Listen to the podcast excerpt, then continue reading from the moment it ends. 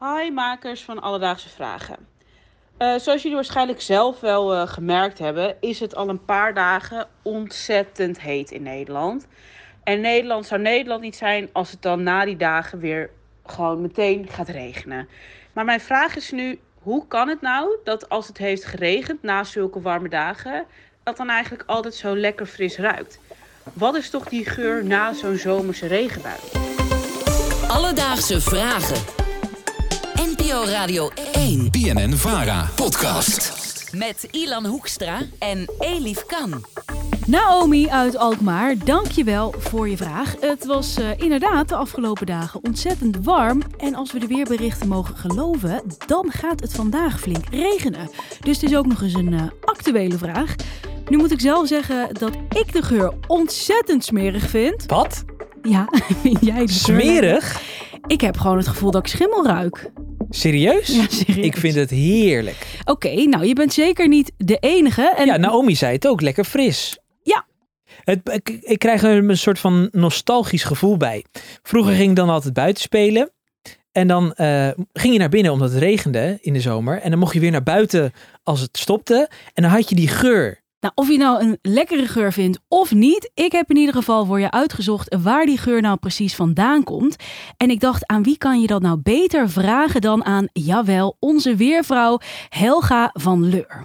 Nou, ze heeft zelfs een boek hierover geschreven, van zomerdag tot winternacht, dus ze weet er alles van. Ja, daar wordt heel veel onderzoek naar gedaan, want het is natuurlijk wel een hele typische aardse geur. Het is ook lastig te plaatsen van wat is het nou precies. Maar het schijnt dat het te maken heeft met het, dat in de grond natuurlijk allerlei plantjes en chemicaliën zitten van bodembacteriën. En dat is een soort olige substantie die dan vervolgens een, een geur afgeeft op het moment dat het gaat regenen. Dus in aanraking komt met vochtigheid.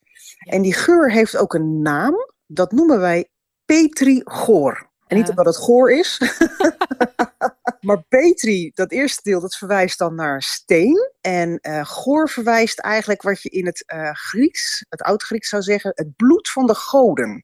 En het bloed van de goden is een beetje gelig, goudkleurig. En dat zou dan verwijzen naar die goudgele substantie die dan die bodembacteriën uitscheiden. Die geur ontstaat als regen zich mengt met bepaalde stoffen. En dit is hoe dat proces precies werkt. Als het heel lang droog is geweest, dan uh, gaat die bodem natuurlijk gaat veranderen qua samenstelling. Hè. Dat, dat droogt natuurlijk uit. Dat, dat vocht is verdwenen. Die bacteriën uh, die gaan zich waarschijnlijk een beetje inkapselen. Die gaan zichzelf beschermen.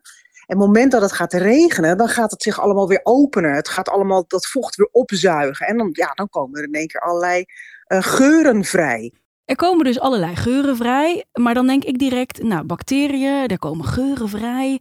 Um, maar dat borrelt dus zo langzaam de grond uit. Dat borrelt langzaam de grond uit. Een soort gas. Een soort gas. Een soort scheet uit, uit de aarde.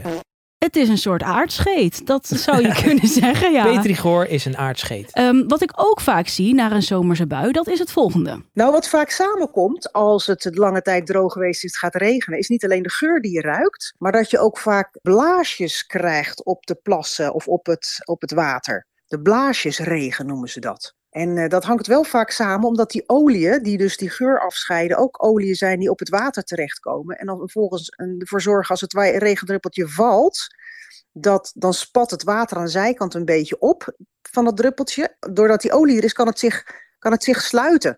Alsof je een soort zeepbel gaat creëren. En dat hoort bij, ook bij die droogte. Hmm.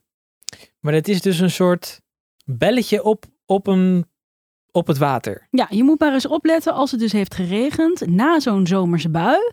Dan zie je dus van die belletjes op van die plassen water liggen. Wauw, daar ga ik op letten.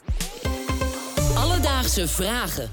Ja, Ilan, nu vertel jij me net dat jij die geur van petrigoor dus ontzettend lekker vindt. Absoluut. En ik las op een blog dat je dat dus zelf kan namaken, die geur. Als een soort parfummetje. Nou, niet als een parfummetje, maar je kan het geurtje namaken door een soort experimentje. Oh. Dus ik dacht, ik ga even verder lezen. Hoe moet dat precies? Nou, als het nou niet regent en je wilt toch die geur hebben, Ja? dan gooi je gewoon een bak met water over stenen heen. Dat weet ik veel, in de tuin, whatever. Na dus een droge periode. En Ja. dan zou dezelfde geur vrijkomen. En dat wil jij nu gaan doen. Dat lijkt me een goed plan. Nou, we zijn nu inmiddels aangekomen in de tuin en we gaan dit experiment zelf proberen. Ilan heeft een emmer vast. Eh, ja, ik zou zeggen, splash it away. Ja? Oké, daar gaan we. Oké, Ilan hangt nu boven de plas met water. Ik zie hem eh, flink ruiken. Ja, het klopt. Dus Naomi, jouw vraag, wat is de geur na een zomerse regenbui? Het heet dus petrichor. Nou, die geur die ontstaat na een droge periode, waardoor de samenstelling van de grond verandert. En de grond droogt dan uit en de bacteriën, ja, die kapselen zich dan in in de bodem. En wanneer het dan regent, komen er kleine luchtbelletjes vanuit de grond omhoog. En in die luchtbelletjes zitten bacteriën die openbarsten, waardoor er dus een bepaalde geur ontstaat. En dat noemen we petrichor. Heb jij nou ook een alledaagse vraag? Stuur ons vooral even een DM op Instagram. Dat kan naar Alledaagse Vragen. Of stuur een mailtje naar alledaagsevragen.radio1.nl Alledaagse vragen. NPO Radio 1. BNN Vara. Podcast.